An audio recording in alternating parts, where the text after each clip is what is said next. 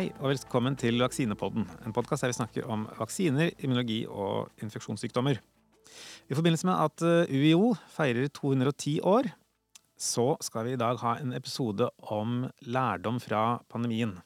Dette er en del av eh, UiO sin uh, Ny Start-festival, som nå går i forbindelse med studieoppstart. Med oss i studio for å snakke om hva vi har lært fra denne pandemien, her, har vi i dag med oss vanlig Gunnar Grødeland og Anne Marie Andersson. Mitt navn er Even Fossum, og vi jobber alle tre som uh, forskere ved Avdeling for immunologi og transfusjonsmedisin ved Universitetet i Oslo og Oslo universitetssykehus. Så kanskje for å starte med det som vi er mest interessert i, vaksiner. Hva har vi egentlig fått tilegnet oss av ny informasjon om vaksiner i løpet av denne pandemien? Det har jo eh, Jeg vil nesten betegne det som en uh, liten revolusjon, faktisk. Uh, fordi nå har vi i mange, mange år drevet masse forskning på nye og forbedrede vaksinetyper.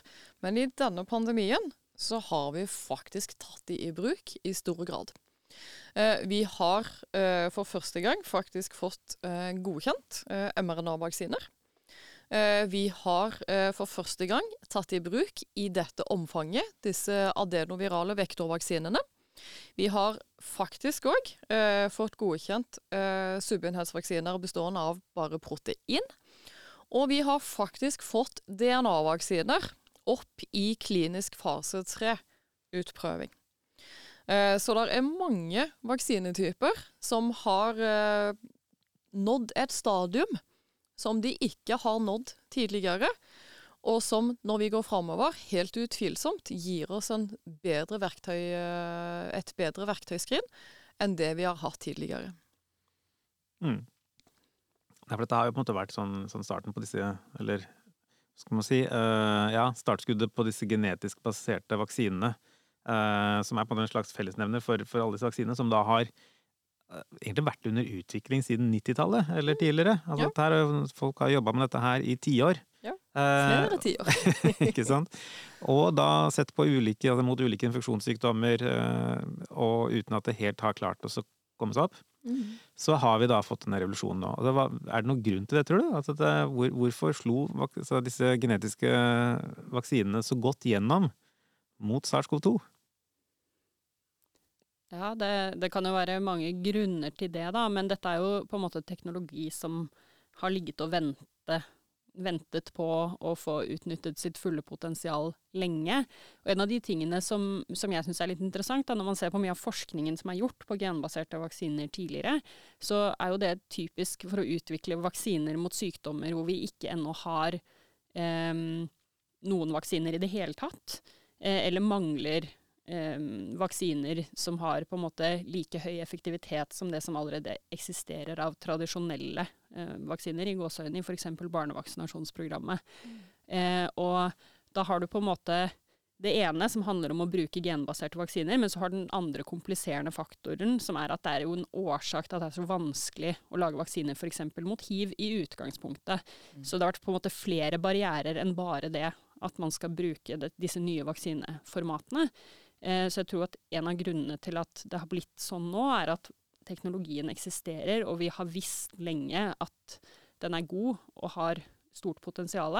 Det man trengte, var en ny sykdom som det relativt sett var enklere sant, å lage en vaksine mot eh, med bruk av de teknologiene, enn f.eks. å utvikle en vaksine mot hiv.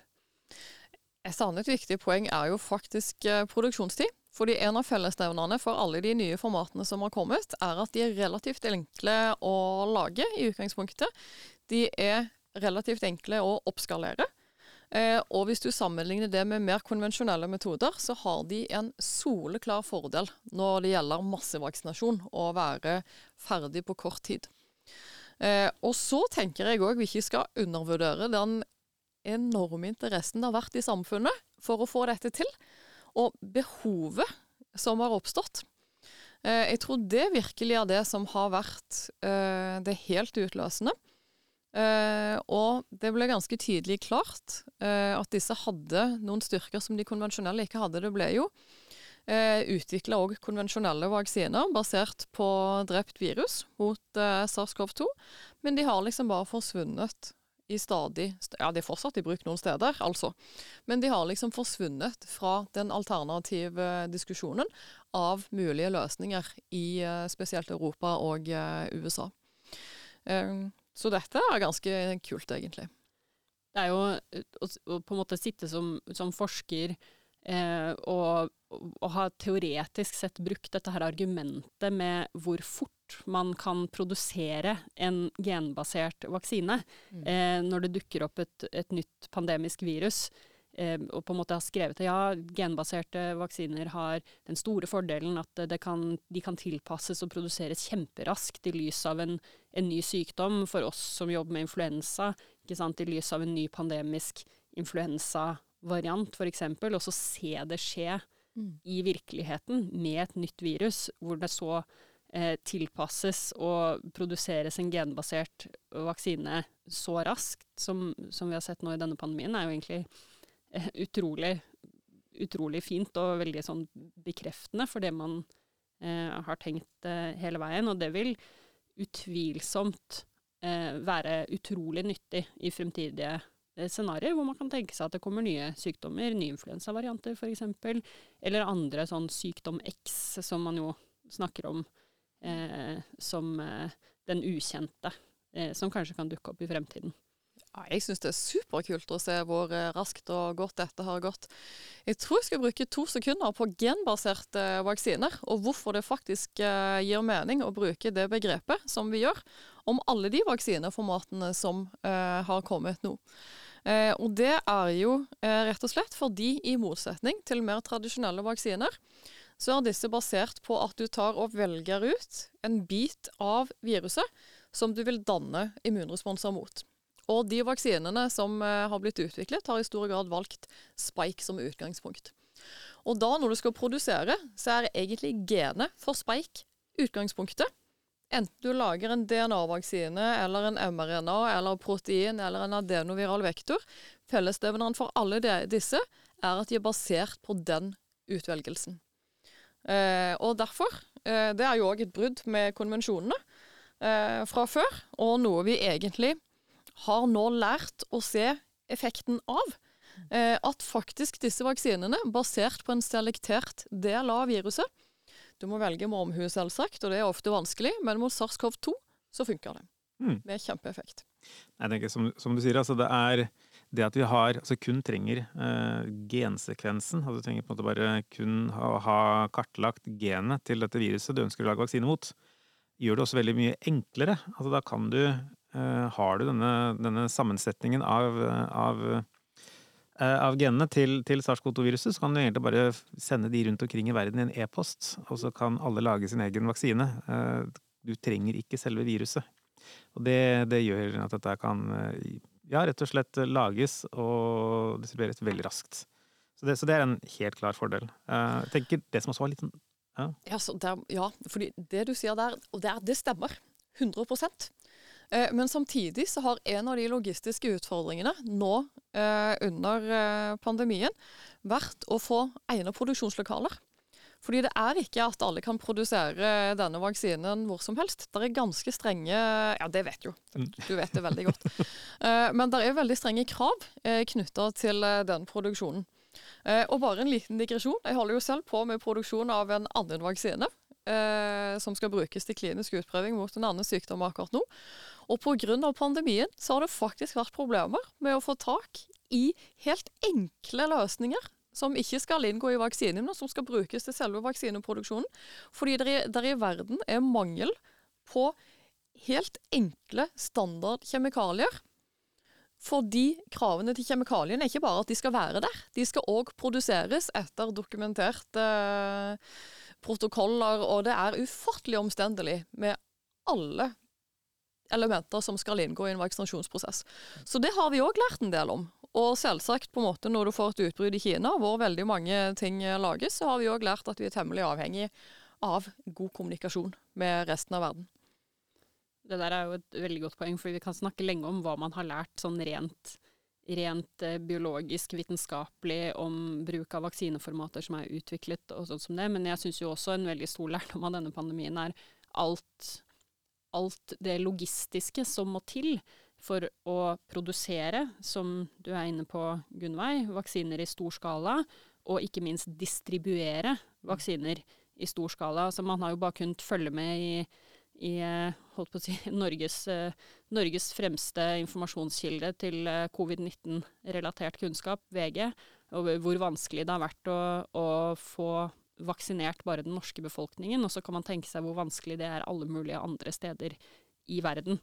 Eh, begynne å snakke om ting som at noen vaksiner har skult lagres på minus 80 grader.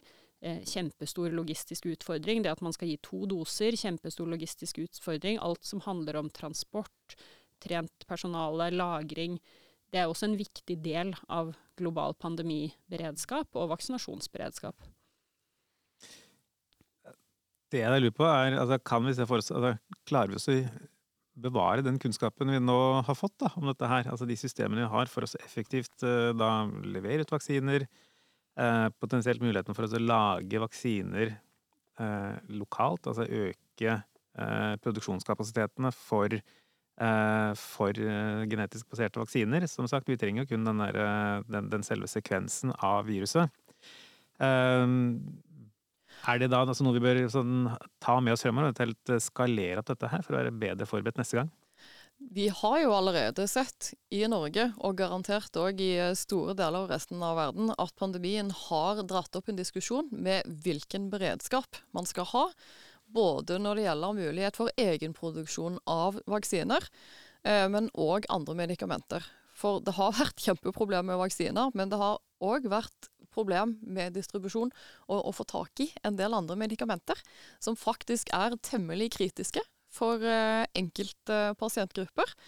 Eh, og eh, hvor det nok kunne være fornuftig å vurdere i hvilken grad man selv skulle i en sånn ny eventuell senere risikosituasjon, eller hva skal man kalle det, en ny pandemisituasjon, der plutselig kommunikasjonslinjene er brutt eller andre ting oppstår, at man skulle klare seg kanskje litt lengre periode, i hvert fall, enn det vi har gjort, uten at man må ha kontinuerlige forsyninger fra utlandet. Det er en veldig diskusjon, en veldig viktig diskusjon, som absolutt bør komme i etterkant av pandemien. Ja, og i forlengelse av det så håper jo jeg også at det på et eller annet tidspunkt vil skje en uh, større internasjonal diskusjon om hvem som eier kunnskap, og hvem som skal ha lov til å f.eks. produsere vaksiner, og hva man satser på når man videreutvikler og bygger ut den globale kapasiteten til å møte en pandemi. Fordi når det gjelder produksjon, så kan det jo også være en ulempe at deler av det man trenger for å lage disse vaksinene, er beskyttede, patenterte forretningshemmeligheter som eh, ligger hos firmaer. Eh, og ikke åpent tilgjengelig, selv om mye av den teknologien som er tatt i bruk, er ting vi egentlig vet hvordan fungerer, fordi at det også er forsket frem i offentlige institusjoner. Sånn at på en måte den globale organiseringen av hvordan vi gjør disse tingene, som i veldig stor grad ligger hos eh, multinasjonale selskaper, som også har økonomiske interesser av å holde på det, eh, er noe som absolutt burde diskuteres. Absolutt. Og skal reglene være de samme i en pandemisk situasjon som i en normaltilstand, eller skal man eh, vurdere unntak og andre bestemmelser? Det blir en kjempeviktig eh, diskusjon framover. Mm. Um, for å nevne disse, eller avslutte med disse genetiske vaksinene, hvor ser dere for dere at uh, teknologien går hen nå i de kommende årene? Altså hva er det vi En ting er på en måte vi har vist at vi kan effektivt lage en vaksine mot, uh, mot korona. Hva blir det neste? Det neste tenker jeg egentlig er ganske opplagt. Det er flere firmaer som er i gang med både produksjon og kliniske studier av vaksiner mot ulike sykdommer. Influensa er jo egentlig en sånn low hanging fruit, uh, rett og slett. Og grunnen er at vi vet veldig godt hvilken del av uh, viruset du trenger å rette immunresponsene mot for å beskytte. Det er hemaglutnin, overflateproteinet. Hvis du klarer å danne uh, responser mot det, så beskytter de Og en av de største utfordringene med eh, dagens influensavaksiner er jo at den produksjonstiden på konvensjonelle vaksiner gjør at du må drive og gjette veldig lang tid i forveien akkurat hvilken type influensa du faktisk skal lage vaksinene med. Disse nye formatene har mye kortere produksjonstid, og da slipper du å gjette i samme grad. Og det vil si, kun det vil si at vaksinene eh, har større sannsynlighet for å være mer effektive enn dagens vaksiner. Mm. Og det er jo en rekke andre virussykdommer og andre sykdommer som òg vil kunne være relativt enkle å lage nye og oppdaterte vaksiner mot. Der er det jo kanskje særlig sykdommer hvor det er rimelig høy risiko knyttet til å dyrke dem frem i et laboratorie for å lage vaksiner av dem, hvor risikoen ved å bare bruke en gensekvens som ikke har noen evne til å infisere noen, eh, er null, ikke sant, sammenlignet med å eh, dyrke frem så hva det nå skulle være, ebola eller eller eh, andre veldig farlige sykdommer som man helst ikke vil lage i stor skala noe sted mm. eh, for å inaktivere til vaksiner. Mm. Så hva er det noe vi fortsatt ikke vet om dette her? Er det Altså som sagt, vi, vi har en del eh, ideer om Vi har jo fått god, god beskrivelse av Uh, hvor effektive disse vaksinene kan være. Kan være. Uh, og det var kanskje egentlig over all forventning at når man da så disse første kliniske studiene som viste sånn godt over 90% effekt. Men uh, hva er det på en måte som gjenstår å finne ut av? Jeg tenker akkurat nå er vi i et veldig riktig tidspunkt for å diskutere hva vi ikke vet om vaksiner. Eh, og det er nettopp fordi vi ser at eh, effekten av de nøytraliserende antistoffene mot SARS-CoV-2 den avtar eh, over noe tid. Eh, og en av de tingene som jeg egentlig er litt overrasket over at ikke har vært fokusert og forsket mer på i løpet av denne pandemien, er egentlig hvilken type immunitet er det egentlig som er den aller mest gunstige å eh, danne ved vaksinering. Eh, at de nøytraliserende antistoffene er den eneste typen immunitet som faktisk kan blokkere viruset fra å binde cellene. Det er opplagt, og derfor òg den mest effektive når det gjelder å hindre smittespredning. Det er eh, rimelig klart.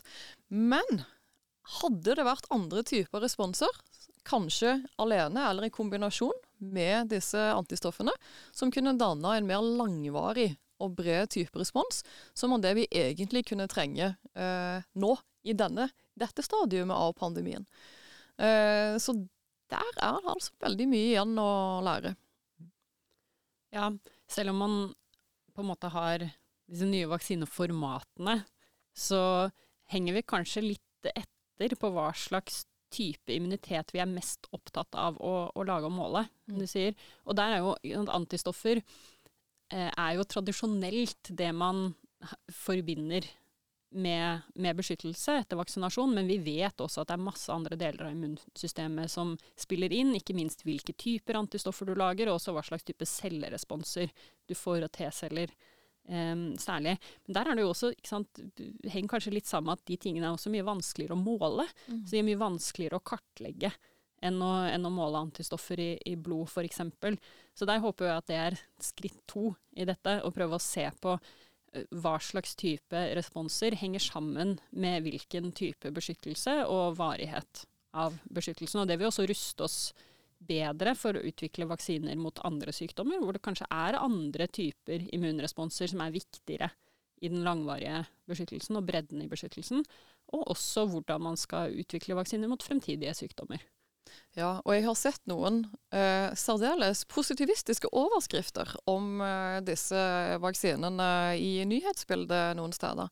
Disse skal liksom nå redde oss mot hiv, og de skal redde oss mot eh, ebola, malaria, alt. De skal liksom, disse vaksinene, mRNA-vaksinene, er liksom den nye standarden som er løsningen på alt. Og som Arne var inne på tidligere, sånn funker rett og slett ikke vaksineutvikling.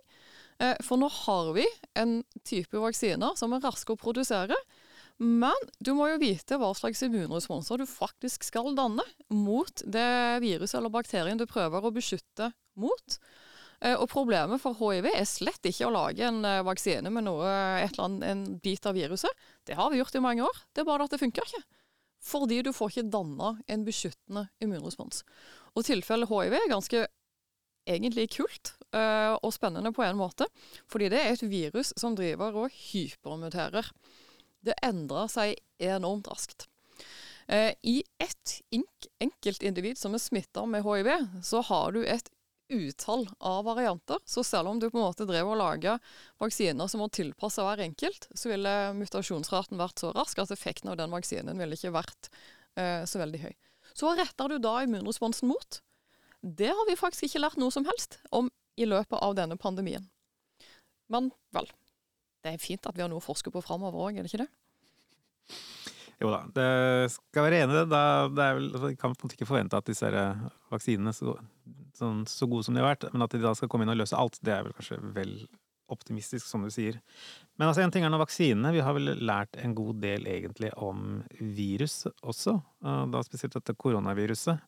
Uh, vi har nå liksom, fra det dukket opp dette er jo, Vi har jo hatt andre koronavirus som har sirkulert i befolkningen i, i lang tid. Eh, og som vanligvis gir disse der forkjølelsene. Eh, sånn, sånn, som man får på, på vinterhalvåret. Eh, SARS-CoV-2-viruset er jo da et uh, koronavirus, som er blitt uh, sagt i Jeg tror alle har fått med seg nå. Men, men si, hva, hva, har vi lært noe nytt om koronavirus, og hvilke immunresponser dette setter i gang etter, etter infeksjon? Eh, det har man jo absolutt. Fordi den tidligere forskningen på koronavirus var jo ikke i nærheten av det omfanget som vi nå har sett. Sånn at nå har vi jo svært gode data på de antistoffresponsene spesielt eh, som eh, dannes etter eh, infeksjon. Eh, og vi har òg etter hvert ganske mye data på T-celleresponsene som dannes etter infeksjon. og vi det er en del studier som òg ser på kryssreaktivitet eh, mellom eh, T-celler mot SARS-CoV-2 og eh, de tidligere koronavirusvariantene. og i ganske stor grad så er det faktisk eh, noe overlapp. Sånn at hvis du ser på T-celledataene, så skulle man jo egentlig tro at eh, det lå en sånn viss mulighet for at vi var litt beskytta mot eh, SARS-CoV-2, eh, basert på disse overlappende T-cellresponsene. Men den store mangelen er jo eh, nettopp eh, data og studier som faktisk viser den biologiske effekten av spesielt disse T-cellene. Vi ser de er der. Vi ser de reagerer. Vi ser det i kryssreaktivitet. All immunologisk kunnskap tilsier at de har en funksjon, eh, men vi vet faktisk ikke effekten av den funksjonen. Jeg tenker En annen ting som vi da kanskje egentlig har vist seg også litt gjennom eh, pandemien, at mye av den informasjonen som har kommet, har jo i stor grad vært forventet mm. uh, av i forhold til er du smittet, hva er det du setter i gang av immunresponser? Jo, du får antistoffer mot, uh, som nøytraliserer viruset. Uh, du får satt i gang T-celleresponser. Du får hukommelsesceller som da vil beskytte deg senere. Er du godt gjennomgått sykdom, så er du i hvert fall i en viss periode beskyttet mot reinfeksjon. den avtar vel noe over tid. Men altså, man har jo fått bekreftet veldig mye av den informasjonen man egentlig visste, og som, som da er, måte står i læreboka om immunologi eh, og infeksjonssykdommer. Som man da har sett noe egentlig sånn blitt, så vært, har blitt sånn punktvis bekreftet i ulike publikasjoner som har kommet. Sånn at det er på en måte betryggende, det. At mye av det vi mener vi vet, og allerede kan, det, det ser vi på en måte også er tilfelle for, for nye, nye funksjonssykdommer. mye av variasjonen der har jo mer handlet om eh, sånne ting som sant, varighet av beskyttelsen og altså mer sånne sant, detaljer, nesten, i det, i det store bildet. Eh, oppfører seg omtrent sånn som Eller immunsystemet oppfører seg omtrent sånn som forventet i møte med sykdommen, men så er det mer sånn hvor lenge, hvor lenge varer den, og ja, hvor kraftig er den, og eh, hvordan varierer den mellom ulike aldersgrupper, ikke sant, og sånn som det. Eh, og det syns jeg også har vært litt sånn eh, samme når man snakker om dette her med hvordan viruset muterer, f.eks., eh, og hva vi har lært om hva som skjer eh, med et virus som dette når det sprer seg veldig bredt eh, i en stor andel av verdens befolkning. Det var jo snakk om at viruset kunne mutere og endre seg veldig tidlig i pandemien, men det var usikkert hvor fort det ville skje, og hvor store konsekvenser eh, det ville ha. Og det vet vi jo på en måte nå, at egentlig så har jo på en måte forekomsten av nye varianter gått rimelig fort. Og mange forskjellige varianter med nye egenskaper. Eh, I hvert fall til dels eh, nye egenskaper. Eh, og kanskje hatt større innvirkning på pandemien enn noen hadde forventet i starten. Og det er jo også viktig lærdom, egentlig, at man har sett veldig i praksis at når veldig mange blir smittet, så vil også et virus som et koronavirus kunne mutere og endre seg og få nye egenskaper relativt raskt, selv om det er et virus som i en normalsituasjon har en lavere eh, mutasjonshastighet enn f.eks. influensavirus.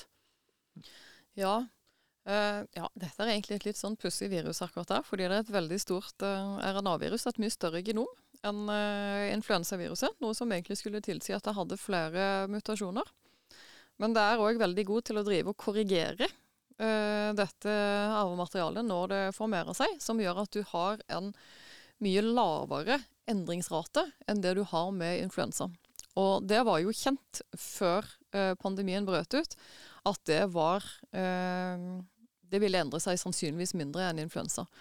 Eh, og det er egentlig eh, det vi har sett òg.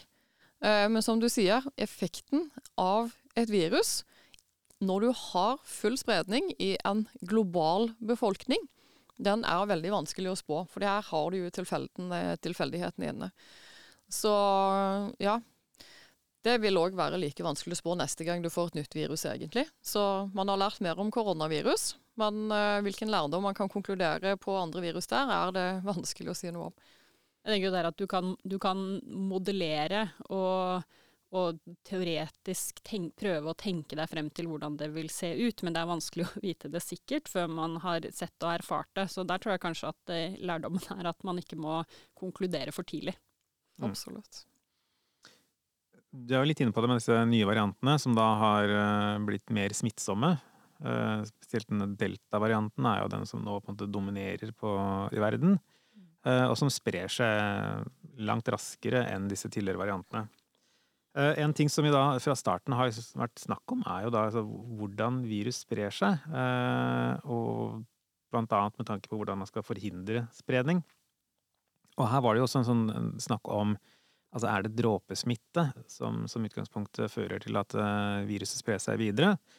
Eh, eller er det, er det, andre ting som bidrar, sånn som aerosolsmitte? Og her har det jo vært en sånn gradvis utvikling gjennom pandemien.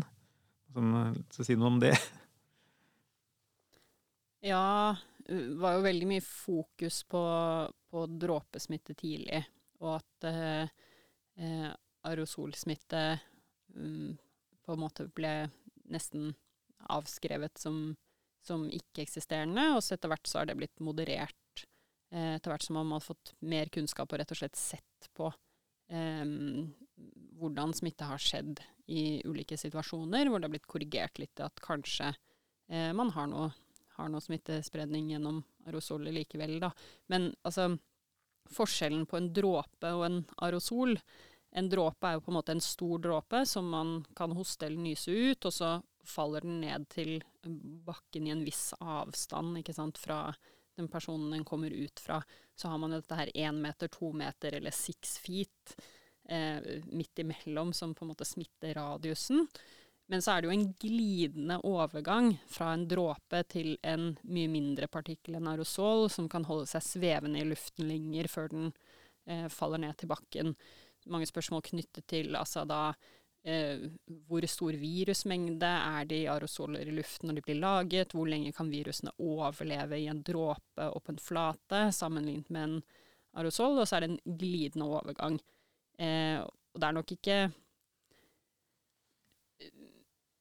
Det er ikke så lett å sette en, en grense for det, altså mellom dem, eh, på en eller annen måte. Men det er vel blitt stadfestet nå at eh, det ikke kun er dråper som eh, som kan være smittebærende. Og særlig hvis man har et lukket rom med dårlig ventilasjon, så vil det kanskje være høyere sannsynlighet for å eh, kunne bli smittet i rommet, eh, hvis det er noen andre sant, som, mm. som, har sykdommen der inne.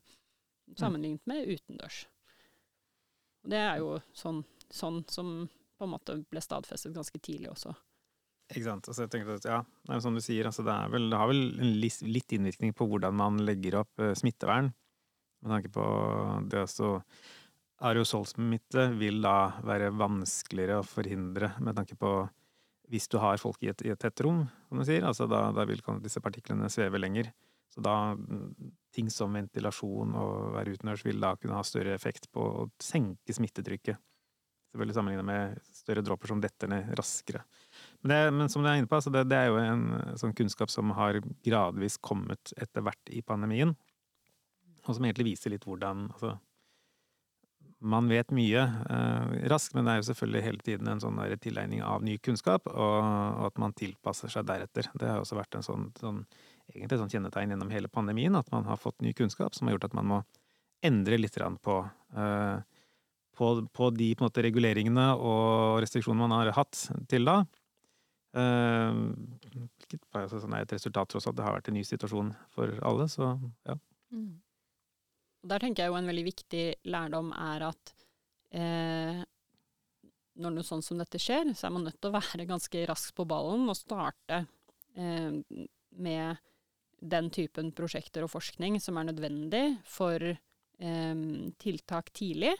Eh, og at man ikke må på en måte slå seg til ro med i gåseøyne etablert sannhet, men være fleksibel eh, og åpen for at ting kanskje ikke er sånn som man hadde sett for seg, eh, når det kommer informasjon som, som viser noe annet.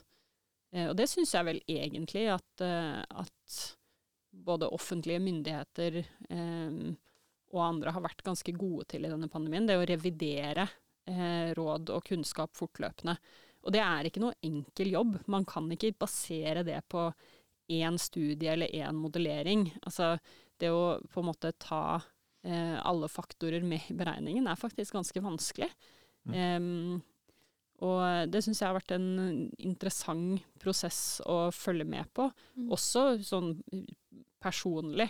Eh, å sitte og skulle gi et råd eller snakke om en ting, og så kommer det ny informasjon som tilsier at det man har sagt tidligere kanskje ikke stemmer, og så korrigere seg selv og være fleksibel og ikke sitte fast um, mm. i det man har lært. Ja, eh, det er nok en del vi kan gjøre bedre neste gang vi står overfor samme um, situasjon. Eh, men en av de tingene jeg faktisk syns er litt um, interessant, er at vi i Norge har en eh, beslutningsprosess som ligger liksom i skjæringspunktet mellom faglige myndigheter og politisk utøvende myndigheter. Eh, og det skjæringspunktet Altså nå må man jo evaluere dette etter hvert, men basert på det vi ser nå, så tenker jeg at det ser ut til å være en relativt grei løsning. Eh, for da får du på en måte både ivaretatt eh, den biologiske kunnskapen, samtidig som du får anvendt den og implementert den i samfunnet, i dialog med ulike oppfatninger om både samfunnsutvikling og hva som er viktige hensyn å ta. Eh, sånn at det vil garantert komme studier på dette etter at pandemien er eh, over. Eh, og som sagt, vi har gjort mye bra i Norge, men det er definitivt ting vi nok kan lære av å gjøre bedre neste gang òg. Men at man faktisk var såpass fleksible eh, i Norge, og liksom lærte seg løsningene når man gikk eh, veien under pandemien, eh, det syns jeg egentlig har vært litt kult å legge merke til. Mm. Altså, man må jo være enig i at vi har jo klart oss tross alt ganske bra gjennom eh, pandemien. I forhold til antall smittetilfeller og antall dødsfall. Så ligger Norge veldig godt an i forhold til veldig mange andre land. Så det er eh, absolutt eh, et tegn på at vi, vi må ha gjort noe rett her. Så Ja, og noe av vanskeligheten har jo vært å vurdere hva skjer når du setter i gang de ulike tiltakene. Mm. Eh, fordi her har du eh, virkelig skjæringspunktet mellom samfunnsinteresse for å ivareta både eh, vår personlige frihet i et demokrati, for å ivareta samfunns- og næringsliv, og samtidig hindre et biologisk utbrudd.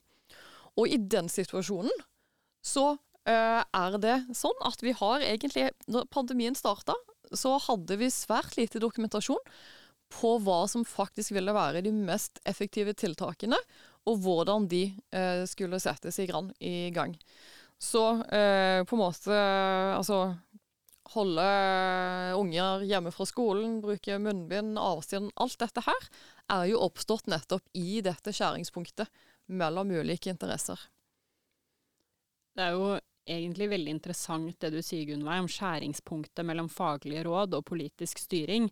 Og selv om det, den balansen har landet et, eh, et, greit sted i Norge, eh, så har vi jo også vært så heldige at de politiske beslutningene som har vært tatt, i stor grad har på en måte eh, vært på linje med, med, faglige anbefalinger. Det er jo ikke alle land hvor det har sett sånn ut i det hele tatt. Den, altså, det finnes jo mange eksempler, trenger ikke å se lenger enn til USA, som på mange måter, eller mange andre måter man kanskje kan sammenligne seg med, Um, men når det gjelder det politiske systemet, så kan man nok ikke. Og der har det jo slått ut i helt motsatt retning, at den politiske styringen har nesten liksom, vært destruktiv for, for, pandemibekjempelsen. Og sånn har det vært i en del andre land også, hvor ideologisk overbevisning har vært viktigere enn en medisin. Og det er jo egentlig et stort og veldig viktig sårbarhetspunkt. Um, som burde adresseres. Så vi skal være takknemlige i Norge for høy tillit til, eh, til regjering og tiltak og gode politiske beslutninger.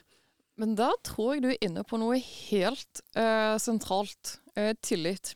Fordi i Norge så har du hatt, så vidt jeg er i stand til å se, en tillit mellom politisk og fagmyndighet som har ført til en dialog med respekt. Ok, nå sitter jeg på ingen måte inne på innsiden her, men mitt ut, eh, inntrykk når jeg sitter og ser på det som kommer fram, er at det har vært preget av eh, respekt og tillit til at man vil eh, det samme.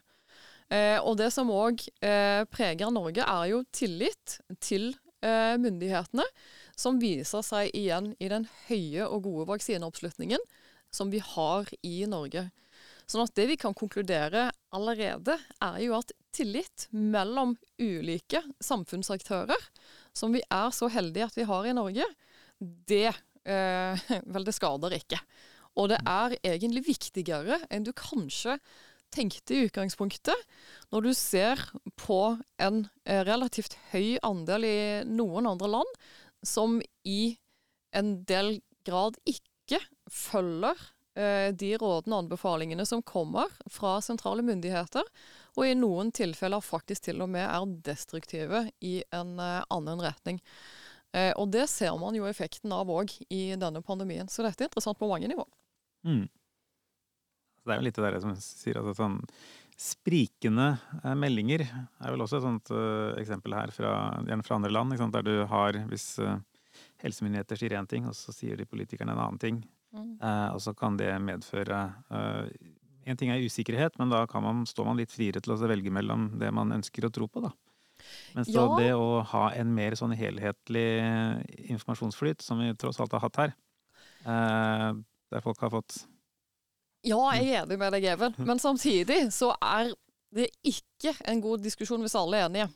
Fordi en av de tingene jeg òg eh, eh, ser på som viktig i Norge, er at jeg opplever man har hatt en ganske god offentlig diskusjon ja. rundt vurderingene. Det er ikke sånn at her kommer fasitsvaret enhetlig fra fag og politiske myndigheter. Det har faktisk vært diskutert fordeler og uh, ulemper.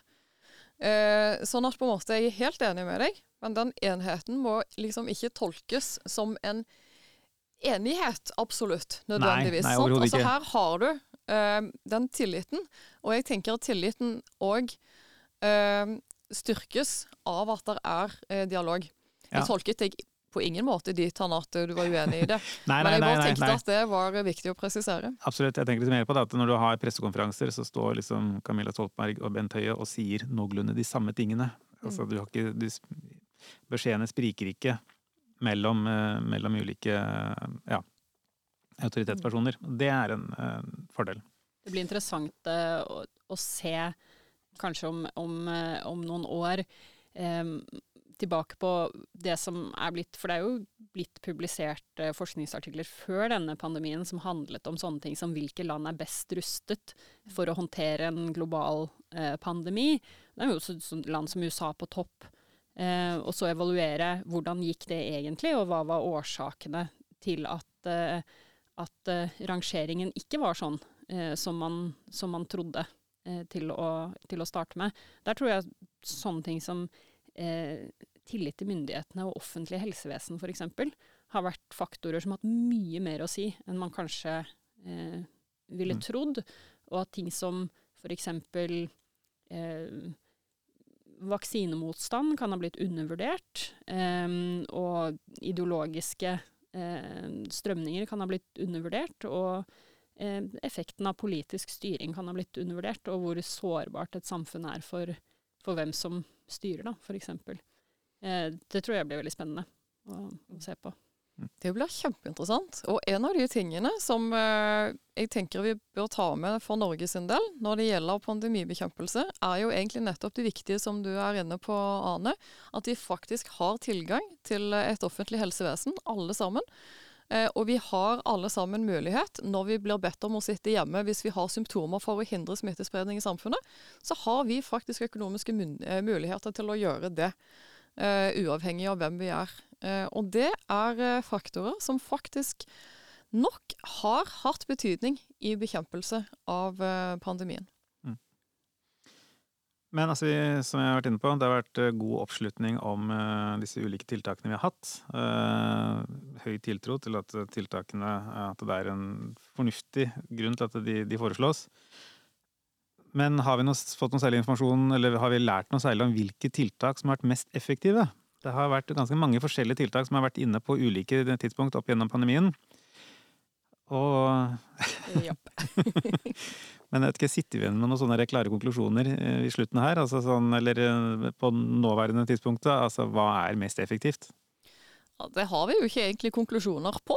Eh, og grunnen er jo den at hvis du skulle hatt gode konklusjoner på det, så måtte du ha brukt denne pandemien litt som en sånn forskningsobjekt, og f.eks. kanskje delt inn befolkningen i ulike grupper og bedt de uh, følge ulike tiltak. Altså F.eks. kanskje en gruppe skulle gå med eh, munnbind og håndvask, neste gruppe skulle uh, ikke bruke noe, og tredje gruppe skulle kanskje ja. Man måtte liksom isolert hvert enkelt tiltak og teste de opp mot hverandre for faktisk å ha et godt svar på det.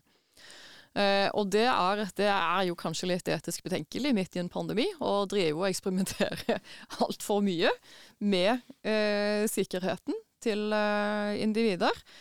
sånn at det vi vet, er at tiltakene i sum fungerer.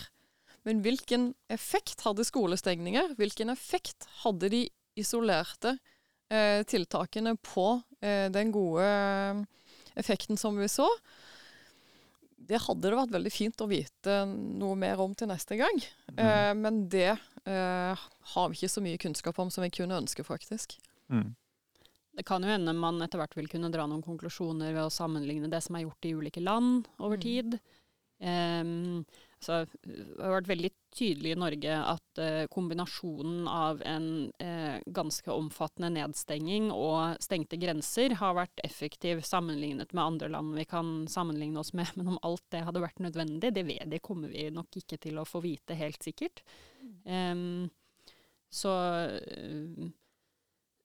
ja, det blir interessant å se om det faktisk er mulig å, å dra noen konklusjoner i det hele tatt. Men eh, i hvert fall rimelig eh, sikre, sikre, på at det å eh, ha god testkapasitet for å faktisk oppdage de som er syke, og ha en teststrategi som eh, går inn for å teste tidlig ved ulike typer mistanke om sykdom, enten eksponering eller, eller symptomer, og, og, isolere de som er syke i kombinasjon med enkle tiltak som håndvask og, og god hostehygiene hos alle andre, det har nok vært eh, av betydning, mm.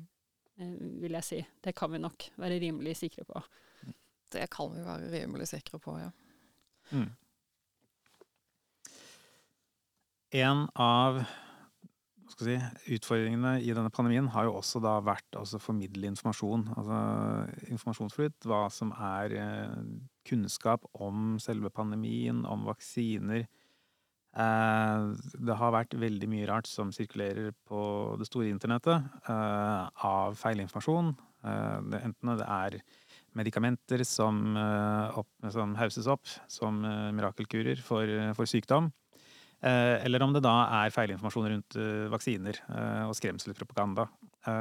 Hvordan, altså, har vi lært om hvordan vi bedre tolker dette? Eller takler dette? Det er det vel.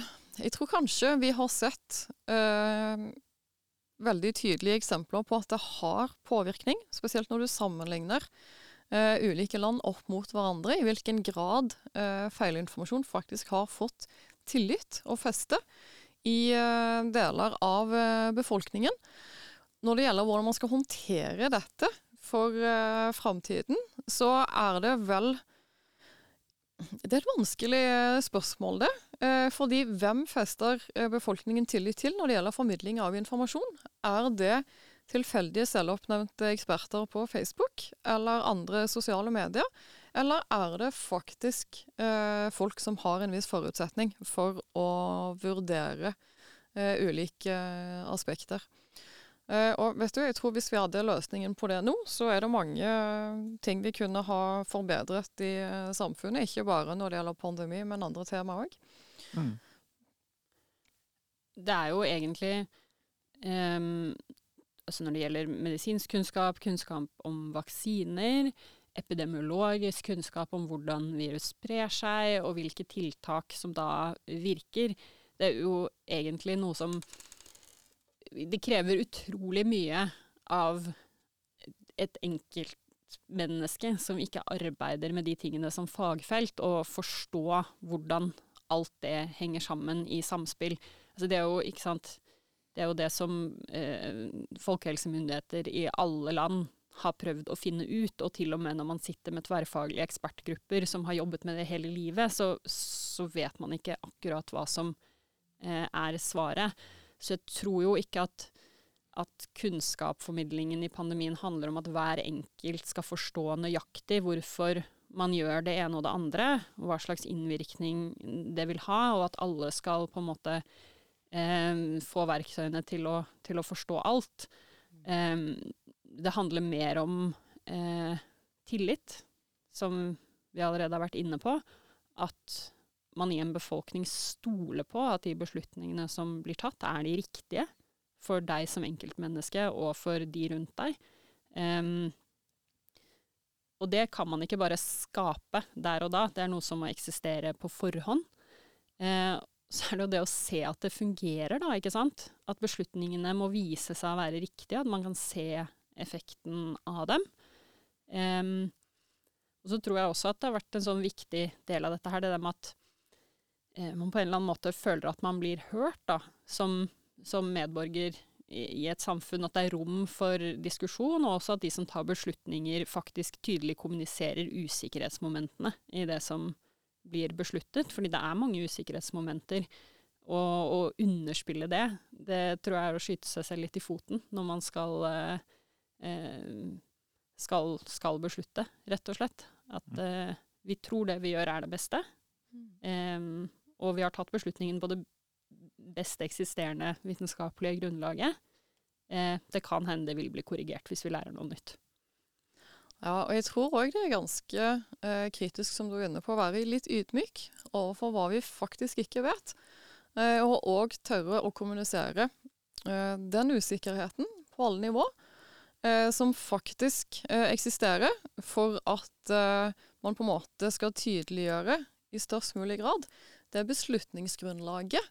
Eh, og selv om, eh, som du sier, det er ikke meningen at alle skal forstå alle detaljer. altså Vi har studert ganske mange år før vi begynte å forske for faktisk å forstå grunnlaget i eh, det vi forsker på.